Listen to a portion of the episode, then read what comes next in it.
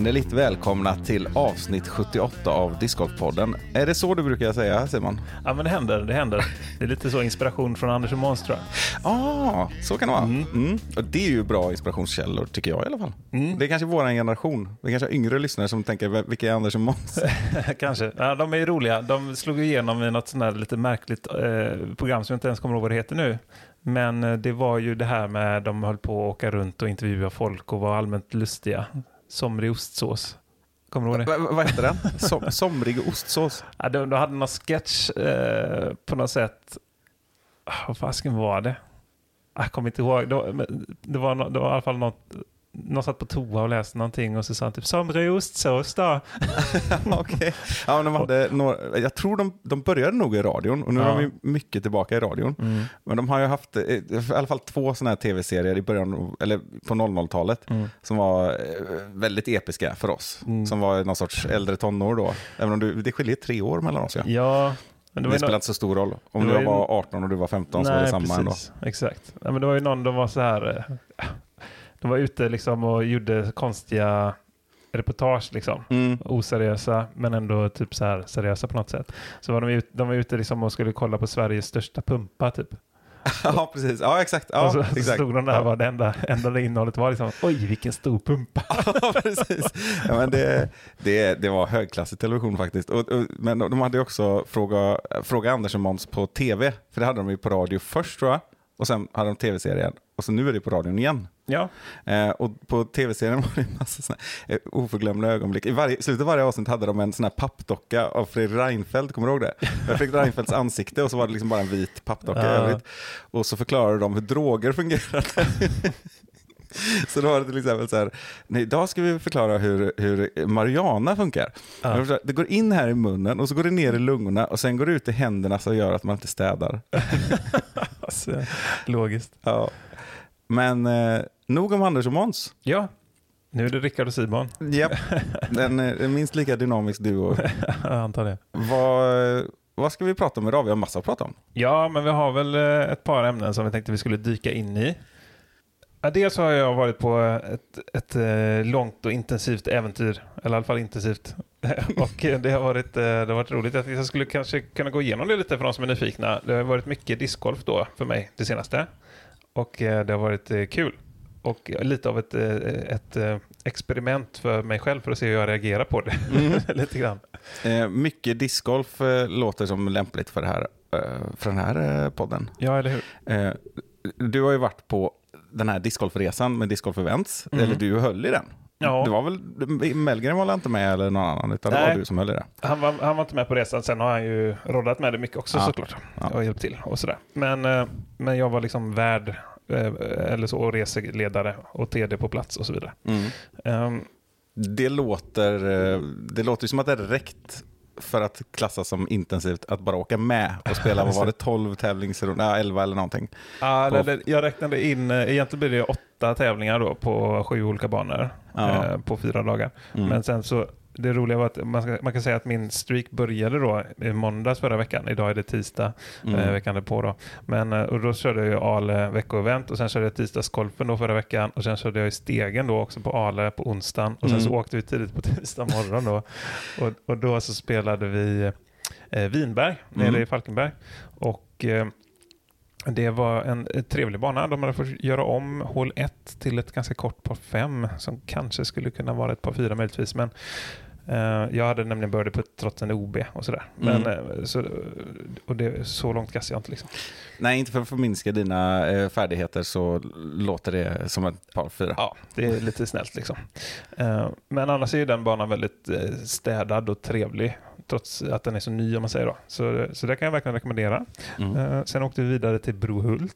Mm. Jag Den fick- svåra. Ja, jag fick prata om kettlebellhålet känt från podden. Ja, just det. Var det någon som kände igen det eller ville prata om det? ja, jag minns inte riktigt hur det var nu, men, men eh, det var nog folk som höll med om att det kanske hade varit lättare att parka det med en sån. Eller? Ja, det, det var ju, i, måste ju varit i poddens begynnelse för att det var ändå det var ändå ganska länge tills vi fick prata om det med Hagman i typ Ja, avsnitt exakt, 25-27 exakt. någonting. Ja. Och det var innan jag själv hade spelat där också. Nu har Ja, jag just spelat det. där flera gånger. Ja. Eh, Men, eh, och den var ju tuff och det blåser ju alltid där och så vidare. Mm, Men eh, ja, den har sin charm. Mm. Eh, Absolut. Verkligen. Och sen, sen åkte vi vidare till, det var första gången jag fick spela den vanliga slingan också tror jag. För det var, Mhm. det var, det var lite annorlunda hål gentemot NT och sånt. Inte bara OB utan liksom lite utformning. Mm. Men i alla fall då. Sen så åkte vi in och checkade in på det här hotellet vid Valhall, Mm. eh, Ängelholm. Och eh, där fick vi för övrigt, jag och Kalle Bäckman, shoutout till honom, Mm. fick eh, träffat restaurangchefen där som också är han som är initiativtagare till hela den här discgolf-grejen på något sätt. Då. Just det. Och, eh, så det var ju kul att stöta på honom och han frågade liksom vad vi tyckte och hit och dit och sådär. Eh, ja, men jag var ärlig och sa att det märks att det är nytt och hit och dit men att det är framförallt är det fantastiskt kul med en sån här satsning liksom. Och vilket guldställe, det är lite så vi brukar säga om Resta Gård, liksom, att det, Mm. det ligger fint och att det är ett hotell precis i närheten, liksom, med hela den grejen. Det, Ja. är ju, det är väldigt bra för sådana här typer av event då och eh, annat. Ja, Det är också ofta det som saknas i discgolfen, att vi inte har eh, fullskaliga anläggningar, att, det, att vi inte har toaletter eller, eh, ja, eller någonstans att sätta sig och äta lunch mm, på nej. en lördag. Exakt. Eh, nej, och, och där har de ju dessutom plan på att öppna en ny bana och en ny slinga i den befintliga banan. Mm. Och eh, det förstod jag det som att det skulle ske någon gång i början av september antagligen. Mm. Så just nu en bana där som heter Parkbanan. Då. Eh, och eh, den spelade vi en dubbeltävling på och en singeltävling på. Aha. Mm. Eh, så det var lite kul. Eh, Det var Var det någon så här mixad eller lottad eh, partävling då? Det var liksom sidat kan man säga då. Så det var ju tre stycken klasser. Det så var det ju MPO och så var det MA2 och MA3 tror jag. Mm. Och eh, jag spelade ju i MPO då och eh, efter detta var ju den sjätte rundan så nu hoppar jag fram lite. Men så då fick jag jag låg tvåa då i totalen i MPO och så fick jag spela med den som låg åtta då. Mm. Eller nio blir det till och med, för Mm. det var tio stycken. Eh, vilket i det här fallet var Robert Moberg. Så han hade haft lite tuffa rundor innan men, men är ju duktig och vi kompletterar varandra bra dessutom. Ja. Så vi vann ju den partävlingen där. Ah. Eh, han är, han, jag kastar lite längre än honom, men han är väldigt linjesäker och puttar väldigt bra. Sådär. Eh, så det var kul. Eh, vi spelade bra, vi gick 13 under tror jag, på 18 håller. Mm. Det är alltid bra. Mm. Ja, men så det var stabilt. Men i alla fall då, eh, vi spelade ju dessutom Bulltofta och eh, den är ju det var, den var länge sedan jag spelade Mm. och den är jä- jättekul. Jättetrevlig bana. Och, och samma dag så spelade vi även Sankt Hans då och där har jag ju varit en hel del. Och- Ganska tuff dag. Ja, verkligen. Och det var i fredags då. Ja, det blir det ju då. Ja. Eh, precis. Mm, så, så kul. Jag, jag eh, fick spela särspel om vinsten Bulltofta mot eh, Lukas Forsberg Mm. och eh, han vann det. Jag gjorde samma misstag. Vi, vi, eh, vi körde hål 1, 2, 3 och så sen körde vi CTP på ettan för att vi, det blev, vi gjorde, par, par, par på de första. Då. Mm. Jag gjorde samma misstag, alla tre kasterna på ettan. alltså, men inte OB då förstår jag. Nej, jag... Eh, det blåste väldigt mycket från vänster till höger. Så jag tänkte att eh, eh, men jag måste lägga ut min forehandheiser rätt långt ut till vänster. Men så fick jag early release hela tiden. Så att jag liksom gick till höger och på, på CTP så gick jag OB. Vad sa du på CTP? Så... Gick Ja, du gick till OB. Ja, Ja, ja, ja. Eh, Det är sällan bra när man eh, spelar CTP. ja, nej, jag tror, inte, jag tror inte ens man liksom kan få något resultat då. Nej, faktiskt. På något ja. sätt. För man kan inte få det...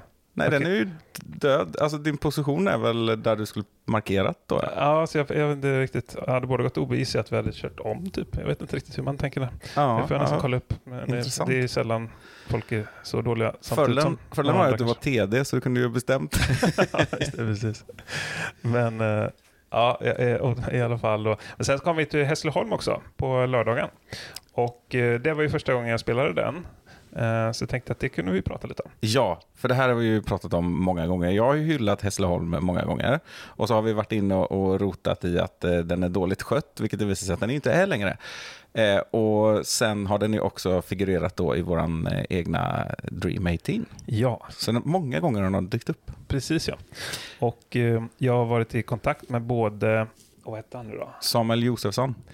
Eh, precis, Samuel Josefsson och eh, även eh, Andreas som jag tror är eh, Andreas Silverberg som är ordförande i klubben där. Min eh, gamla Rocket Disk-teamkamrat. Ja, ja, ja. Mm. Kanon. Han och en till har ett trevligt Instagramkonto. Ja, Som är, ja, det, he, det har en förkortning nu. Så jag, Vill ni hitta det, hitta det nu. ja, jag tror det. Ja, Mm. jag tror det. Mm, nej men, så, för det första jättehjälpsamma och trevliga personer båda två. Och eh, de hade dessutom liksom klippt eh, innan vi skulle komma dit och gjort ordning lite extra, tror jag. Mm. Eh, jag förstod det som det i alla fall. Eh, och så, mm, den banan var jättebra. Det är en fantastiskt bra NT-bana, känns det som. Visst, man kan ju, det finns alltid grejer liksom att göra. Det gör det på alla banor. Och sådär, och lite gamla lättetulkorgar kanske lite sådär liksom. Men eh, om, man, om man ser liksom på speldesignen, layouten och miljön, Mm. fantastiskt. Och, och dessutom hål 8 som är med i våran eh, Dream 18 där jag direkt att jag såg hålkartan och litade på dig så kände jag att det här blir nog bra och nu fick jag bekräftat också vilket fantastiskt fint hål. Ja, men vad kul. Mm. För det, eh, alltså, eh, först blev, nu blir jag in, intresserad här. Eh, nu kan det vara så att lyssnare i och för sig då, eh, som inte har varit i Hässleholm får zona ut lite. Men det, nej, det behöver ni inte göra. Men alltså, hålet är ju format som en åtta, så man kan välja Ja. höger och vänster och så en sweet spot i mitten och så vill man gå höger och vänster sen igen. Eh, men då undrar jag ju, du körde backen från 10 eller? Ja, Ja. Ja. Och den är klurig, eller hur? ja jag gjorde nästan ett perfekt kast. Eh, Jag körde en disk som flippade upp lite för mycket så att den gick lite Mm. för rakt då. Så jag tog liksom i högersidan eh, i, precis när, när, vid midjan liksom. Ja. Eh, och det gjorde att, eh, det gjorde att eh, backhanden på andra kastet var stängd. Så jag körde en forehand då och kände att jag kommer nog inte kunna komma till korgen. Men eh, jag hade liksom ett berginspel och för ett säkert par i alla fall.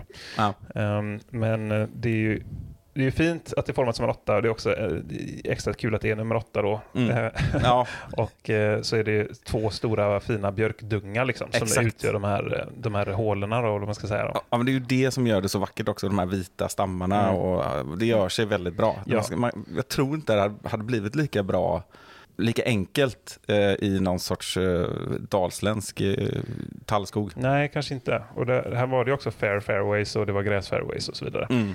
Ehm, så nej, det var, det var, så det var kul erfarenhet. Sen var det ju, det var min överlägset sämsta runda på hela, hela eh, veckan. Liksom.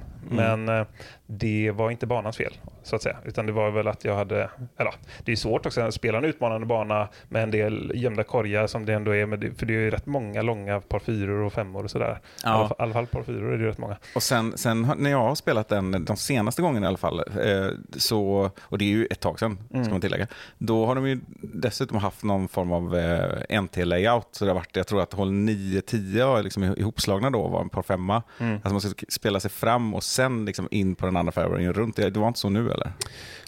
Ja, jag tror inte det. Jag, jag, jag kommer inte riktigt ihåg. Det är mycket hål på kort tid här nu. Men, Ja.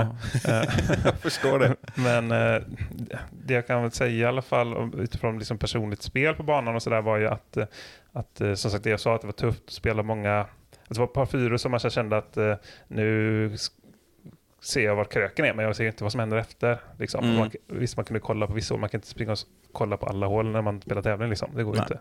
Nej, Eh, men liksom avståndsbedömning på, från 10 på hål 2. Ja. Där det är verkligen en 90 graders sväng. Typ. Eh, Mm. Jag tror det var första gången någonsin som jag spelade en PDGA-tävling blint. Liksom. Ja. Och det, och det, så det var ju nytt för mig. eh, och, eh, och tufft då. Liksom. Och så det gjorde lite i, slu, i slutet, att, eh, eller egentligen i mitten av rundan, att eh, det gick lite dåligt. Och så och kände jag så här, äh, men nu ska jag spela lite aggressivt och ha lite kul istället då, tänkte jag. ja. Eh, det, jag spelar aggressivt i alla fall. Jag vet inte om jag hade så. Nej. Men eh, det var eh, till exempel sista hålet, jag, jag hade spelat så här halvkast och så avslutade jag på hål 5 tror jag det är. Som är ett, jag tänkte jag, nu får jag i alla fall avsluta med en. Jag tänkte jag, så kom jag fram och så bara, fan det är, det är 142 meter på tre. Så här. Ja, exakt. Det där runt hörnet. Liksom. Ja. Ja. Det som var gamla exet för vad som Ah, har varit ja, länge. Men det har ju blivit ordinarie nu. Ja, och, och då tänkte jag då, ja, men jag får ändå vad ska jag göra för att ta börden på det här hålet, tänkte jag då. För jag, jag hade ändå fastnat i den tanken. Liksom. Mm. Jag ska ta tillbaka ett kast liksom. Jag hade en bra tanke. Men eh, då så tänkte jag, äh, jag kör en roller. Jag, vilket ju inte alls är min grej, liksom. Back-end rollers eh, så, och från 10. Men jag tänkte det kan vara kul att testa och jag hade rätt disk för det. Mm. Blev ändå rätt bra. Mm. Eh, Så jag liksom gick ju typ, så låg, det är liksom en dunge där som protectar greenen. Mm. Så jag gick liksom precis insidan av den då, lite in i ruffen, så jag hade liksom en step-putt då för birdien. Så jag gick stenhårt för det, så jag gick ju typ nio lång då, för, missade den och så in i en buske bakom green. Och då så skulle jag bara tappa i en, eh, det var nog två och en halv meter. Missade den också. och då, då bara faceplantade jag gräset och bara la mig ner. Ja, gud. Ja, Jag tänkte säga det och då, när du sa så här, och då, och då, så så här, grät och ville åka hem. Alltså det sa de på mitt car där, alltså lost TD, vi får hitta någon ny till nästa, nästa runda. Ja, så det var lite tungt. Men, eh, men eh, återigen, det var en trevlig upplevelse trots eh, detta debacle. Jag måste ju bara flika in, apropå att missa en 2,5 metare, att eh, vi kommer ju som vanligt, eller nu har vi ju många gånger spelat in direkt efter vår veckotävling här på tisdagen i Vänersborg. Mm. Och jag eh, vågar påstå att, trots att jag spelade bäst av alla idag, Mm. så satte jag också rekord på 25 deltävlingar som kommer spelas i år och kanske 30-40 deltagare, så det är ingen som kommer missa en kortare putt än vad jag missade idag. Var det en sån du skulle lägga i och så missade eller? Ja, den var eh, säkert inte en meter lång. Alltså. Va? och det var, jag skulle bara lägga den och vet, så la jag den på kanten. och bara ner. Och det, var ju typ, det var på hål 17 också, för er som inte har varit där så är det ju den, då hade den kunnat rulla tekniskt sett. Ja, faktiskt. Och det Eh, hade varit sjukt. Ja, för det är uppe på en kulle, men det gjorde den ju inte. Det var tråkiga var också att det, det var precis efter att jag då hade missat eh, fem och en halv meter för birdien. Så det blev ju en bogey där. Det är ju humoristiskt. Tog du det så eller var det, var det jobbigt? Liksom? Nej, det var faktiskt jobbigt. Men Ja. det, det, jag har ju... På, det här var min åttonde deltävling i år. De andra sju har ju liksom bara, eh, ni vet, allt, alla som ni som har lyssnat. Det är bara sprit, så det är lotto och skitsamma. Alltså där. Jag hade inte varit glad någon annan gång heller, men det hade inte spelat någon roll. Nu gjorde jag ju faktiskt en ganska bra runda. Eh, så istället för minus åtta så blir ju det minus sju. Och det är ju det är kanske ett kast som på något sätt hade spelat någon roll i alla fall. Det är ju lite frustrerande så. Eh, hur som helst. Jag har ju också pratat om det här att eh, jag fick ju enhälligt, eftersom du inte hade varit på Hässleholm, ta med det här eh, hål 8 på våran Dream 18. Och det verkar ju som att du godkände det i alla fall. Mm. Eh, däremot så har jag också flaggat för att det är inte nödvändigtvis det bästa hålet på banan. Eh, och jag skulle kunna säga i alla fall två kandidater på rak arm, så får vi Mm. se om du håller med och om du lägger till något där också. Men jag tycker ju hål 6 till exempel är väldigt fint. Ja, jag håller med. Det är trevligt. Det är lite tråkigt att man eh, kanske inte riktigt ser sin landing zone dock. Men annars är det ett väldigt fint, väl eh, designat hål. Ja, och där har jag fått höra också att där har man väl tajtat till OB liksom, om man kommer ut och blir för eh, mycket heiser eller något sånt där, som jag förstår det. Ja, det är i alla Eh, fall OB på båda sidor fairway och runt korgen. Ja. ja, det har nog inte varit lika mycket OB förut. Och så. Sen, det är, ja, precis, det är ju inget, det är inget bra att spela blint hål. Definitivt inte. Nej. Men det är en sån här fin fairway på Mm. sommaren och allt det där. Så det är upphöjd tid, vilket ju alltid är kul. Liksom. Ja, exakt. Och, en elledning.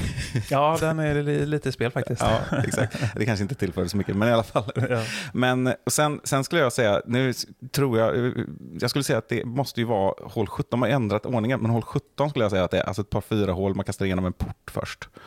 Och sen in, ut på en fin äng. Är det hål 17? Hål 18 är väldigt kort uppför.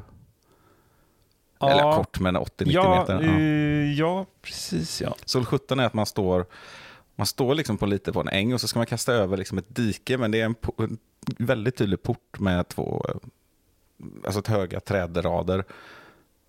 Och så ut på en äng. Och sen in liksom under lite mer låga träd på andra kastet om man Ja, gjort ja, bra ja, första kast. nu vet jag. Eh, precis ja, jag missade porten och gick OB där. Ja. Eh, Ja, det- men Men då, det låter inte som att du tyckte det var så minnesvärt i alla fall. Som att det skulle kunna jo, vara men eh, nu när du säger det, jag, framförallt när man liksom var förbi första kastet där, eh, jag vet, inte- jag vet inte hur mycket jag gillar så här sena luckor egentligen så, men du, du menar första luckan? ja, precis, för den är ändå så här, vad kan det vara, 50-40 meter bort eller någonting.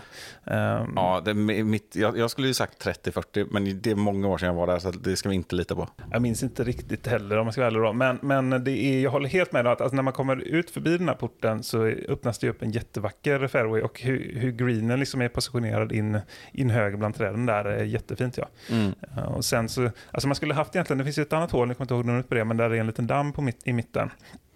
Som, undrar om inte det är ett par femmål. Där du ska, eh, det är 101 meter tror jag för att klara dammen. Och så sen så är det typ en, eh, en stenmur med träd som du ska liksom runt. Och sen ska du in i en annan port och se korgen upphöjd typ, på en stock. Eh, det, Ja, precis. Det, det, ja, precis. ja, exakt. Ja, det är typ hål 13 tror jag. Ja, något sånt. Och där, jag gillar början av det hålet. Mm. Man skulle ha haft början av det hålet och så avsluta med med den, det hålet som du pratade om. Där. Det hade Ja. blivit ett riktigt fint hål. Exakt. Men eh, de har sin charm båda de. De, de två hålen ligger ju så pass nära varandra också så att de skulle kunna slås ihop. Eller hur? ja, det kanske är så. Ja, när du kommer över den muren på hål 13, om det nu är 13, då har du ju liksom rakt fram där är ju 10 på hål 17. Ja, så är det. Eh, men eh, det vet vi inte om det hade varit bra. Men, Nej, men åka och spela i Hässleholm i alla fall, sammanfattningsvis. Jättetrevligt. mm. Eh, det tycker jag. Men då för att eh, avsluta det här lilla resesegmentet då, så kan vi också nämna att eh, vi var ju också på eh, Vallåsen i Våxtorp utanför Laholm. Och det var första gången för mig där också. Och den var, det var, en, den var kul att spela, väldigt varierande så. Eh, och de öppna hålen där tyckte jag var väldigt fina. Det fanns också någon sån där med någon damm man skulle över någon par fyra och så stod jättehögt upp liksom. Och det var verkligen signaturhålet. Det var fantastiskt fint. Kungsfiskaren hette det hålet, kommer jag ihåg, för de hade också en eh, sån snidad eh, kungsfågel, i, eller kungsfiskare då, i, i trä, målad vid tiden. Det var vackert. Mm. Mm. Och eh, där finns det också så här, liksom, både boende och det finns vatten och det finns liksom, man kan köpa lite, så här, man vending machine och lite sådana grejer. Då. Ehm, så Sen var det några hål där, vilket vi pratade om också med de som hade stället där, att det var några hål som liksom saknade lite fairway. Att det var mycket tallar helt enkelt Ah, mellan, okej. mellan dig och korgen sådär. Och man kändes inte riktigt så, någon naturlig linje. Kanske fanns en, ja, tre, fyra sådana hål i alla fall. Så, men den här är också ganska ny, liksom. så det känns som att den kan bli riktigt fin. Och är det en av de banorna som Johan Stensmar eh, har eh, varit inblandad i? Pass. Ja, Okej. Jag vet faktiskt inte det. Jag tror inte det var han som var där i alla fall. Nej. Nej, så det var väl eh, kul. Men på, eh, en sista anekdot lite från den här eh, resan då. Det var ju att... Jag har lite problem med min mikrofon här, ursäkta mig. Jo, förresten, på, för att bara dra det också först. Vi, körde, det var ju sista innan vi åkte hem. Och sen så spelade jag ju Alevit veckogolfen på måndagen. Och jag kände, jag kände ändå att jag hade fortfarande energi, eh, i alla fall i sex, 16 hål, men sen... Jag trodde säga sex hål, för det hade varit rimligare. Ja, men sen, eh, eller ja, 15 hål blev det för hål, jag började på ettan och just 16, jag låg rätt bra, jag tror jag låg plus par eller plus ett eller någonting. Tror, fan, ja, det är, vilket är bra för mig liksom. Mm, det det är bra för de flesta. Ja, och, och hade typ fyra birdies eller någonting. Och så sen, eh, sen så fick, gick jag fyra över på sista tre hålen och kände bara att nej, nu, nu, nu är det nog nog. Och så spelade jag också tisdagsgolfen idag och det gick inte bra. Jag tog bland annat en nia på ett hål. Ja, vilket hål då? Eh, jag gick OB tre gånger på hål eh, 17. Aha. Två gånger från 10 och en gång på, på green. Ja, hur gick det för dig på den nya korgplaceringen på 16? Tillfälliga korgplaceringen på 16 ska Mm. vi säga. Vi ska väx, det ska växa ut lite gräs på den eh, ordinarie Just greenen. det, ute vid vattnet där ja. Eh, där eh, gjorde jag som sist att jag la en fin leopard som eh, Mm.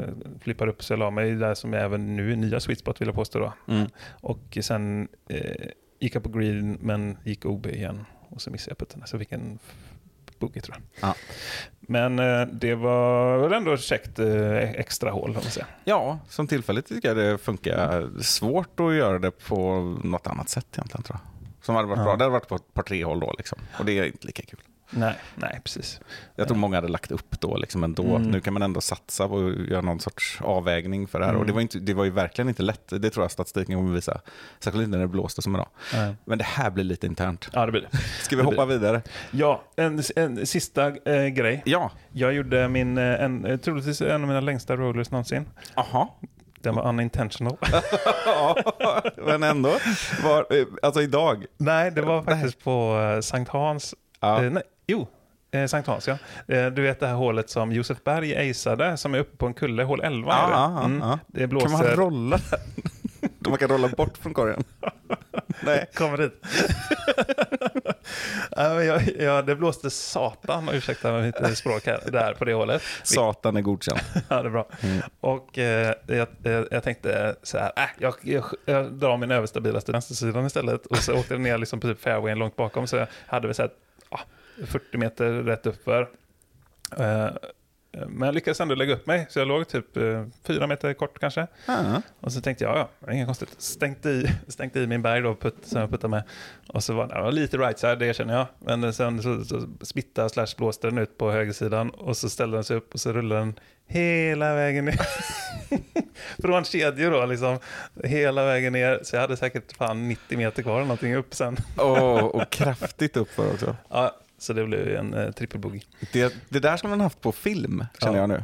Det Det, var- det, hade- då hade du hamnat, kanske inte på Jomes, men eh, i relevant sammanhang som är stort och globalt. Ja, exakt. Eh, Det hade blivit eh, eh, viralt. Den var ju värre än de kända där. Det finns ju en känd med Sarah Hokum. eh, Ja, och ja. så finns det en känd med Paul Macbeth. Men Paul Macbeth var ju rolig på det sättet att den åkte ju slalom ner för backen. Vill jag minnas att den åkte liksom så här zigzag ner när han var på Järvahål 18. Ja, 18 då när det är pro layout. Ja. Eh, Men min var ju bara rätt ner. Det var ju roligt förresten. Var det Jonesboro som eh, Kyle Klein gjorde en sån här riktigt skön på runda två eller någonting? Han, han, han hade en ganska lång putt som jag minns det. Liksom ännu längre Mm. tillbaka ner, typ cirkel tre, uppförsbacke. Och så gjorde han en sån här Macbeth och bara lite där slapp, Ja. lite så här ryckte på axlarna, lite sur och liksom bara, och så smäck, smackade han i den. Den är god ja. Ja, den tror jag vi pratat om förut. Den den den är liksom en staple på något sätt. Den Ja. är riktigt nice. Ja. Det är så snyggt också då. De, de, gör ju säkert så ganska ofta, men när, när den väl sitter då så ser det så coolt ut. Liksom. Ja, exakt. Mm. Nej, alltså jag överdrev lite när det var min längsta roll någonsin. Men det var definitivt min längsta roll med en berg i alla fall. ja, precis. Mm. Eh, Så är det. Men, ja, nej, men nu, nu, vänder vi, nu vänder vi blad och så går vi vidare och så inser vi att jag ändå kunde hålla ihop det hyfsat bra för det var så många tävlingar på kort tid. Men att det kanske inte höll riktigt hela vägen med 13 tävlingar då på eh, åtta dagar. Vad, det? vad tror du att eh, ratingförändringen kommer bli för dig? Jag eh, tror ändå att jag kommer gå upp. Jag tror jag snittar ungefär på min nuvarande rating under de här, om man drar ut det, allting då. Eh, Men jag har många som roterar ut som är ganska dåliga, så tror jag ändå kommer gå upp lite. Mm. Vi får se. Ja, men skönt. Ja. Lyckat eh, på det hela taget då. Ja, för att då fick man ändå ha roligt och samtidigt ändå inte eh, liksom paja sin rating. Ja, nej. Så det, Precis. det kändes ändå bra. Jag hade någon eh, 985 runda eller någonting också. Den var ju bra i alla fall. Ja. Så ja, kul. Kul i alla fall. Jag kan verkligen rekommendera det. blev- Jag trodde att det, nu, eh, ska jag, säga, jag trodde att det skulle vara lite för hetsigt, jag inte skulle kunna njuta av det så. Men det var eh, jättefin gemenskap och eh, väldigt härliga människor som var med. Och det gör ju fantastiskt mycket. Jag fick åka liksom en trevlig bil med härliga snubbar och, och eh, sådär. Och eh, delade rum med, med David och Mikael. Shoutout till dem, trevliga herrar också. Så nej, jätte, jätteroligt. Hoppas att det blir någonting liknande nästa år och se vad det bär av då. Ja, sen, eh, sen har du gjort en liten spaning, Rickard, va? Jo, spaning eh, eller inte, men i alla fall en, eh, snappat upp en intressant historia som eh, kanske inte alla har hört talas om i alla fall. Men det här är ju inget, eh, uni, ingen unik historia eller någon originellt som, som jag står för. Jag kan säga en shoutout här till vart jag har hört den här berättelsen. Men det handlar i alla fall, det är en historia om eh, dels lite rating som vi varit inne på, det här, eh, alltså hela systemet med hur det kan funka och inte funka och att det Ja. kan bli inflation och att det kan finnas bubblor. Eh, och vi har roliga, intressanta huvudpersoner i detta också. Mm. Märkte du att du gjorde en anti-hype här? Du brukar alltid hypa annars. Ja, nej, men det var nog inte meningen att anti-hypa egentligen, utan mer... Eh, alltså inte, jag, ska, jag kan inte stå åt mig äran och, som en spaning. Det var liksom. mer en ödmjuk eh, ingång. Liksom. Ja, ja, exakt. ja, eh, rimligt. Ja, det, jag kommer credda de som ska creddas här. Men jag, försökte, jag ska försöka berätta det på mitt sätt, för att jag tycker det var intressant i alla fall. Det är så här, här om helgen eh, så spelades eh, Japan Open. Mm. Där deltog ett antal eh, intressanta namn. Jag kommer fokusera på tre stycken där. Kul. Jag har själv inte hängt med riktigt på detta, så det ska bli eh, roligt. Ja, det som, det som hände var i alla fall att Jeremy Colling var där och vann överlägset eh, med 16 kast. Ja, det är överlägset. Det är överlägset, särskilt eftersom det var på tre rundor plus en sexhålsfinal. Mm. Ehm, dessutom då, det, det som hör till historien då att han var inte favorit. Utan eh, det fanns ju en eh, ständig högratad spelare med, nämligen japanen Manabu Kajiyama. Mm. Som ligger på 1050. Jag tror till och med att han är högst ratad i världen nu. Japp. Och han är alltså, eh, det är det här det kommer in då på lite inflationssnacket där då, för nu har ju Jeremy Colling som ändå är 1020, hur slår han en 1050-ratad spelare med 16 kast över tre rundor? Eh, och då ska vi komma ihåg att... Eh, På eh, dennes hemmaplan dessutom. Ja, exakt. På ett och, sätt i alla fall. Ja, men så är det ju. Och, och dessutom då, vi ska komma ihåg, vi ska poängtera här för er som inte har hört talas om eh, Manabo. Du, du vet ju mycket väl vem detta är. Ja, Prodigy sponsrad. Ja, precis. Och, och en väldigt duktig spelare. Mm. Alltså en väldigt eh, kompetent spelare och har varit det under läng längre tid. Och han har liksom legat sådär, alltså de senaste sju åren så har han legat liksom 1020 eller bättre i Mm. rating. Han är ju lite äldre. Han kommer inte lyssna på detta så kan, eh, det kan bli taskigt och så här. Men jag skulle säga att han är över 40 tror jag. Mm. Det är jag ganska säker på. Men Ehm, han var ju bland annat en som var med och eh, fightades med Johannes Högberg när han var på Japan Open för länge, länge sedan. Då. ja, ja, ja. Ehm, Typ 2014 och sånt där kanske. Ännu eh, längre sen Ja, säkert. det kan nog varit länge. Ja, skitsamma. Men eh, han har varit med ett tag i alla fall. Ja, och han är så att de senaste åren om man åker över till USA och spelar liksom Masters Cup, eller, Masters Cup i Santa Cruz eller liksom i Kalifornien eller sådär så kommer han liksom topp 20 och han har kommit eh, högt prom och eh, flera tävlingar och han är en sån som de gärna slä- slänger in i ett feature card liksom Mm. med Macbeth och Wysocki för några år sedan eh, och presterar. Eh, och jag tror att han hade sånt där ett år, jag kollade lite, alltså 2017 så hade han ett, ett väldigt bra år och ja, men kom fyra på någon sån där tävling i USA. Han spelade väl fyra stycken. Liksom. På, och det året var det också en av majorserna var eh, Australien, OC Open. Just det. Eh, och då kom han på fjärde plats. Eh, och då snackar vi alltså att eh, de topp tre var Wysocki, Eagle, Macbeth. Och bakom sig hade han Filo, Pasikoivo, Gregor Barsby, Avery Jenkins och så vidare. Och så vidare. Alltså, Mm, ja, genomgående bra. också rätt bra. Ja, Disc ja. World Tour. Exakt, exakt. Så att, ja, vi har etablerat att han är en bra spelare. Mm. Alltså 1050 eller inte, men väldigt, väldigt bra. Ehm, dessutom då, den tredje spelaren som vi kan fokusera på här. Mm. Då har vi ju den jättehärliga historien. Eh, du känner ju till Jackie Chen. Ja, ja, ja, visst. Han hade ju en spännande ehm, ingång i, i, i, den stora discgolfscenen i precis något år innan corona, där, vill jag minnas. Exakt så, alltså precis månaden innan Mm. corona faktiskt. I februari 2020 så slog han igenom med dunder och brak får Exakt, säga. ja. Alltså då var det ju så här, ingen visste vem han var. Det, han spelade nämligen då eh, Asia Open. Mm. och eh, eh, snittade 1040, vann tävlingen och det var hans andra predigattävling någonsin. Och han såg ut och förde sig exakt som Macbeth. Det var ju det som var lite spännande också. ja, exakt. Han hade precis liksom, exakt kopierat Ja, hans spelstil, precis. puttstil och allting, så här, för, alltså, rutinerna innan en putt och så. Ja. Eh, och eh, Återigen, här ska vi inte snacka inflation än eller så. Alltså, Mm. Den tävlingen 2020 på Asia Open så vann Jackie Chan alltså före Nate Perkins, Philo, James Conrad och så vidare och så vidare och snittade 1040 och gick Mm. in då på en rating på 1040. Ja. och var väl då en av de högsta, högst ratade spelarna. Det blev in, Innova-kontrakt direkt, han fick åka över till USA och det ena och andra. Ja. Har ju presterat. Ligger nu på en rating på 9,96. Har spelat totalt 22 PDGA-tävlingar Mm. i sitt liv. Eh, intressant person i alla fall. ja, verkligen. Och det är alltså de, de här två, Manabo Kajiyama och Jackie Chen, som eh, Jeremy Colin slår ändå, eh, sopar banan med. Jag ska komma ihåg att Manabo kom alltså 10 kast före trean i sin tur. Mm. Ehm, hur som helst, eh, historien är ju lite det här då. Hur kan en 1020-spelare som Jeremy Colling, som ändå är en bra spelare, men hur ofta är han ens topp 20 i USA?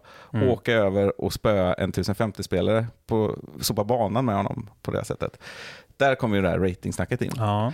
Det som gör det extra intressant är ju då att, eh, att Big Germ är ju, debatterar ju gärna det här med ratingsystemet. Ja. Han är ju framförallt, eh, så som jag har uppfattat det i alla fall eh, när jag har hängt med, eh, har han ju reagerat på att, att det inte är en, en, en rättvis kurva liksom för, för ratingen. Alltså när James Conrad då slog till med minus 17-runda Mm. och får sådär 1100 och han menar att eh, det där är en av de bästa rundorna som har gjorts i historien. Det Mm. måste synas och få ett större utslag. Man Ja. måste kunna få 1200 kanske. Ja, nej, det kanske han inte menar. Men Mm. att, Ja, att den där algoritmen är felaktig på så sätt när, det, när den blir riktigt, riktigt utmärkande bra. Ja.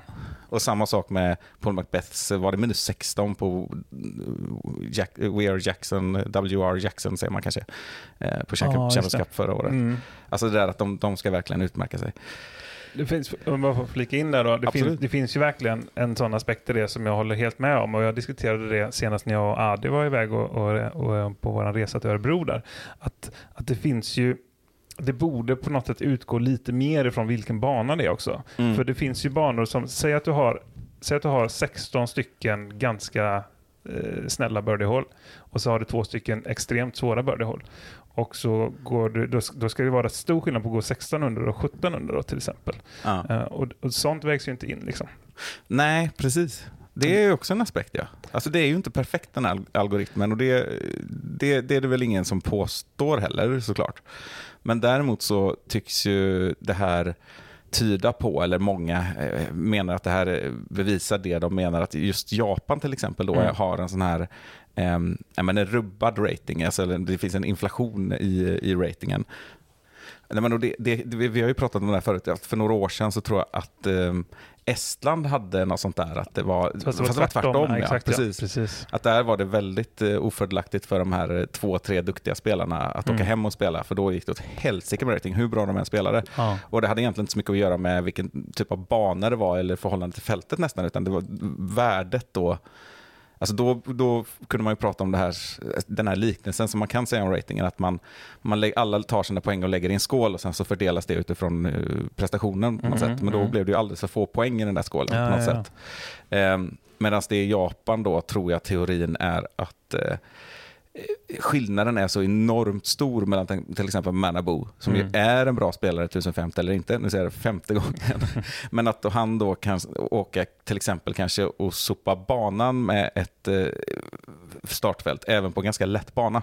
Det Och har då- du nog rätt i. Ja, och det då borde vara en stor del i det, nu när du säger det. Ja, Medan det då kanske var i Estland tvärtom, att de var så jämna på något sätt då. Eh, vad vet jag. Ja, exakt. Många bra spelare som bara spelat Estland men inte fått ta del av ratingkakan på Ja. något sätt. Ja. Men intressant och eh, jag har inte sett vad Jeremy Colin har skrivit själv om detta, men Nej. jag gissar det. Eh, Men avslutningsvis då, alla som lyssnar på detta och inte hört om detta undrar nog, vad snittade Jeremy Colin rating då? Mm. Det får vi aldrig veta, för det var inte sanktionerat. Nej, just det. Ja. Så där, Typiskt, det, det är jag nog ledsen över. ja, exakt. Jag kan, nu får jag passa på då att, eh, att eh, ge en shout-out till eh, att det här, den här historien hörde jag då, eller läste jag på ett nyhetsbrev Mhm. som jag börjat prenumerera på. Jag tror det här var första gången jag fick det.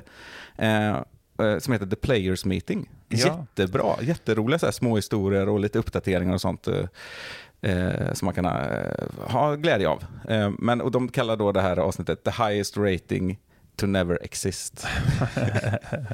För det skulle det ju varit då. Ja, ja sorgligt. För frågan är om inte Colin typ hade, vad hade han snittat på det liksom? Vilka var det mer? Vilka, vilka kom efter Manabu? Har vi någon koll på det? Ja, men jag har ju inte deras rating här, för det är lite okända sådär som är eh, amerikaner. Alltså en som är, eller okända det kanske är ja, men det var ingen, inga namnkunniga personer eh, överhuvudtaget. Där. Då, då känns det som att det är så jäkla svårt alltså, att gissa- det där. Ja, det, känslan är ändå att han, han, han sopar ju så otroligt bana med fältet. Mm. Och med då Mannabo. Alltså att är, han är åtta kast före på första rundan och sen två, tre kast på de andra och tre till på finalen. Ja, det, det är där det blir så svårt, för jag menar alla kan ju ha en dålig dag. Och om det bara då är en person som man kan jämföra det med. Så, som sagt, vi vet att Manabu är duktig, Mm. men, men alla har ju en dålig tävling. Och eh, hade det varit ett par till som man liksom kände till vilka det var som spelar mycket eh, stora tävlingar, då Mm. hade det varit mycket lättare att kunna säga någonting. Men eh, det låter ju, låter ju ändå som att det skulle ge otroligt hög rating, absolut. Men Ja, för jag tänker ändå, eh, som sagt, Malibu är ju tio kast före eh, två spelare som är på tredje plats, och varav Jackie Chan är en då. Den andra är en som heter Kay Coley O'Connor, en amerikan. Eh, och då är ju ändå, alltså, om, om han då och Connor, som vi antar inte har hemmaplansfördel, Mm. eh, går lika med Jackie Chan, eh, alltså det är förmodligen inte en 9-10 ratad spelare. Liksom. Eh, och sen har vi liksom, eh, ja, det var bara de som fick spela finalen, så sen blir det lite rubbat vilka som kommer efter. Då. Men det är någon amerikan och en japan och sen är det några amerikaner till. Och så, sen har vi våran Hongkong-svensk bekante. Eh, osäker på uttalet där. Ja, Mm. mm. Nej, men jag tror många vet vem vi pratar om. åtminstone. Ho Ming, Ja, ja, som var i Stockholm och utbytesstudent tror jag. Exakt. eh, Ett tag, och var med i toppen när Mm. hon spelade, i Sverige. Exakt. Så det är ju en duktig spelare. Han är alltså på tolfte plats. Ja, precis. Ja. Men det är intressant med, eh, med Jeremy Colling i, i Japan överlag. För att, eh, jag hade en kompis som var där för eh, det är rätt många år sedan nu som också är en stor kille som är ungefär alltså, en- bit över 1,90 liksom. Mm. Eh, och, och de kallar ju honom, honom för White Giant. När hon... och då tänker jag, undrar vad de kallar Jeremy Colling, det måste ju vara något liknande. Ja, Jeremy Colling är stor. Eh, Jag som har träffat honom mer än en gång, men också spelat med honom och har en sån här, jag har en bild på när vi spelar i samma eh, boll då på The Open 2018. Ja. När vi står bredvid varandra och då är det jag, han, Martin Rasch och eh, Juho Parviainen. Och Juho Ja. Parviainen är ingen liten liksom. Nej. Men jag, Inte jag är inte så liten heller, Ja, nej, jag är 1,85 lång. Och jag kan inte garantera att marken gör det helt rättvist, men eh, jag är ju liksom, det- huvudet längre än mig räcker ju inte. Nej. För Jeremy Colling han ser så jävla mycket större ut på alla ledder också. Ja. Så han, han är stor. Men det, där pratar vi en ny definition av Big in Japan ändå. ja, exakt. Där har vi det. Big Germ in Japan. ja, precis. Big in Japan, ja. Mm. Det måste, ju, måste någon redan ha skojat med. Ja. Förhoppningsvis. Ja, Det får man ju verkligen hoppas. Anna- Annars så, tänk om vi var först denna gången också. Ja, ja man vet aldrig. Man vet aldrig.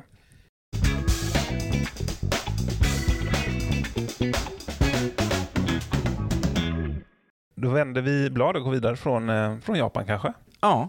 Vad vänder vi till nu för blad? Ja, men jag tänkte jag skulle kunna gå igenom en, en liten kortis. Ja. Jo, det är ju så här nämligen eh, roligt att våran, eh, våran nya bekantskap som var med i podden för inte så jättelänge sedan, Scott Stokely, Mm. han kom ju till Ale.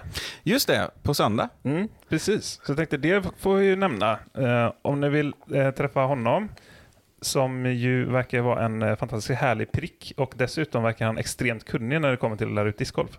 Mm. Och eh, eh, sådär. Så om ni vill stötta honom i, i hans liksom Euro-tour på något sätt så kommer han eh, hålla i en klinik på Ale Discgolf Center då mm, söndag den 4 juni mycket riktigt Mm. mellan 10 och 12. Och där behövs det liksom, det behövs inte reggas eller någonting sånt utan det bara dyka upp och så eh, betalar man honom på plats, eh, helst via Paypal men det kan hända att det finns någon Swish-lösning också på plats då.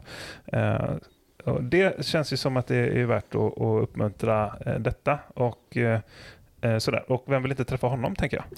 Verkligen. Och vem vill inte åka till Ale? Nej, det är en win-win. Ja, exakt. Men jag, jag, jag tänkte på, det här är en högst personlig fråga, eh, eh, eller av personlig nyfikenhet som jag frågar. Ja. För jag, jag såg ju också information och sådär. Har han någon maxgräns liksom på hur många som får vara med?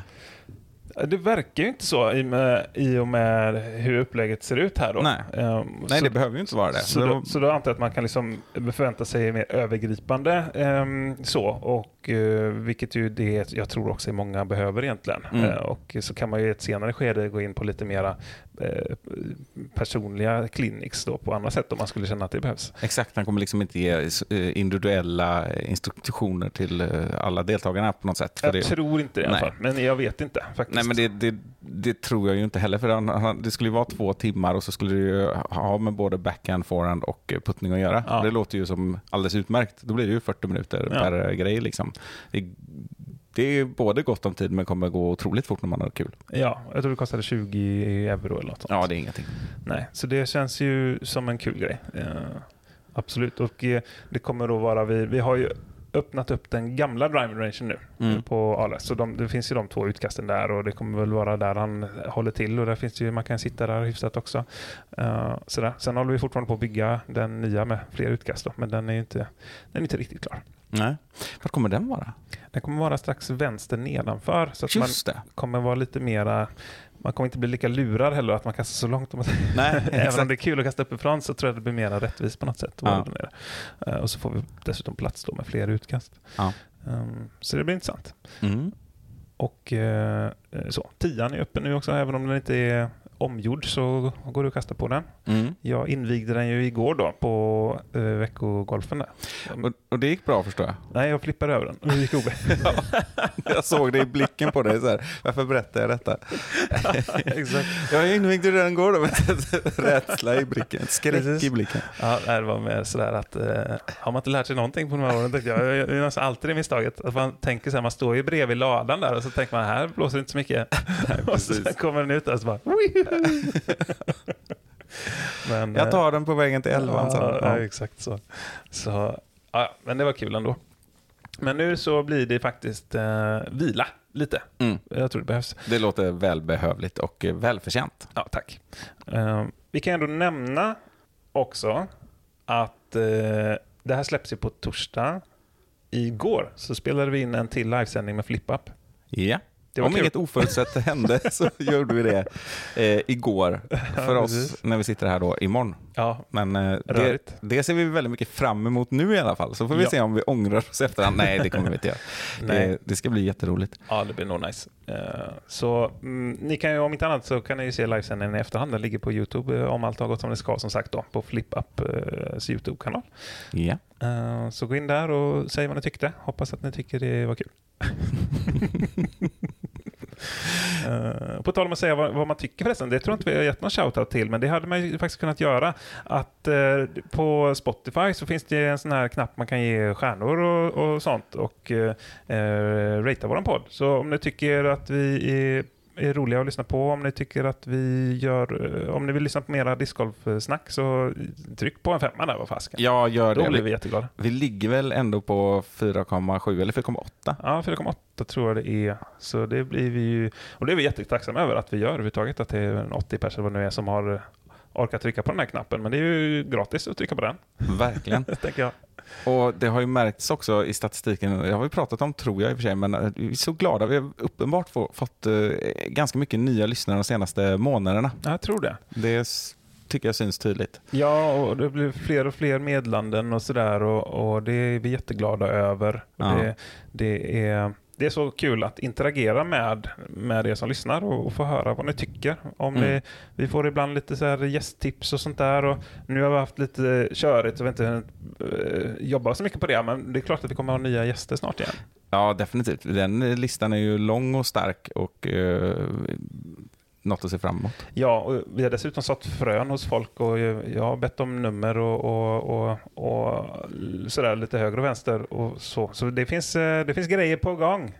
Det låter inte lika mycket som nätverka som att du har raggat ungefär.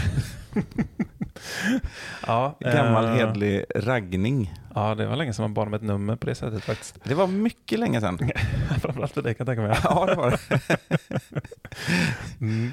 Ja, du är ju inte på marknaden på samma sätt som jag i och för sig. Nej, precis. Men eh, jag är väldigt passiv i min marknad känner jag. Ja, det är 12 år eh, borta från marknaden i sommar. Ja, ja. Ja, det är värt att fira. ja det var liksom innan nätdating fanns eller något sånt där. Där är du verkligen boomer. Ja, man börjar prata Tinder eller något sånt. ja precis. Ja, precis. På, på min tid så nätdejtade man på typ MySpace. Ja, Lunarstorm. ja, ja. Lunarstorm. MySpace hade jag faktiskt aldrig, men Lunarstorm hade jag minsann. Herregud. Det är, snacka om internets barndom på något ja, sätt. Eller i alla fall sociala mediernas. Eh, både barndom och eh, slask. Ja, ja, det fanns gott och ont där. Det gjorde det verkligen. Jag kommer ihåg något av det första här egen sida som man grejade med var ju något som hette Skunk. Ja, Det är ändå en blast from the past alltså. verkligen. Och det kommer ihåg var roligt. Man kunde lägga in egna giffar och sånt där liksom redan då. Ja, ja, ja, ja, ja. Ah, herregud. Ja, det, var, det var coolt. Det har jag inte tänkt på på länge. Nej. Skunk, ja. Det var liksom i samma era som Alta Vista och sånt. Ja. Yahoo. Mm. Ja, då fick vi lite digital eh, arkeologi höll på att säga. Ja. Nästan. Kul, kul, alltid kul med lite nostalgitrippar. Hoppas att vi kunde bjuda på det till er också där, eller om det bara stod som frågetecken när ni Mm. lyssnade, vad vet vi. ja. Men jag tror det är dags att eh, stänga igen den här butiken. Det har varit, eh, det har varit kul i alla fall och eh, jag hoppas att avsnittet Big in Japan ja, där har vi titeln. ja, var till, till glädje åt er. Ja, vi säger så. Ja, det gör vi. Tack så mycket för idag. Tack. Ha det bra lyssnare. Ha det bra Rickard. Eh, Ha det bra Simon och alla andra. Hej då. Ja, det blir nog bra. Åh, jag har suttit så konstigt i soffan här. Big in Japan. Will see me driving after tea. Weather's looking good. Got a disc bag full of tricks. Yeah, I got them spinning. I'm listening to music you can't hear. I got my magic plastic